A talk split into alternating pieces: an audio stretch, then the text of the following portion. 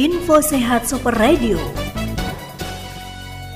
Saudara Super Radio, Apakah anak Anda suka mengompol? Itu sudah menjadi masalah biasa. Anda pun sebagai orang tua pasti sudah punya cara untuk mengajarkan anak agar berhenti mengompol. Namun, bagaimana kalau anak masih mengompol meski sudah menginjak usia 5 atau 6 tahun? Apakah masih bisa dibilang normal? Sampai usia berapa sih mengompol itu wajar? Ya, mengompol atau enuresis merupakan gangguan yang sering dijumpai pada anak-anak. Gangguan ini bukanlah hal yang sengaja dilakukan oleh anak maupun bentuk kemalasan pada anak. Kebiasaan mengompol sejatinya akan terus berkurang seiring dengan bertambahnya usia. Sebelum usia 5 tahun, kebiasaan mengompol pada anak masih dapat dianggap normal. Hal ini diawali secara bertahap. Mulai usia di atas 3 tahun, umumnya anak sudah tidak lagi mengompol pada siang hari. Nah, menurut Ikatan Dokter Anak Indonesia, anak dikatakan tidak normal atau mengompol bila kebiasaan ini terjadi secara terus-menerus atau menetap di atas usia 5 tahun.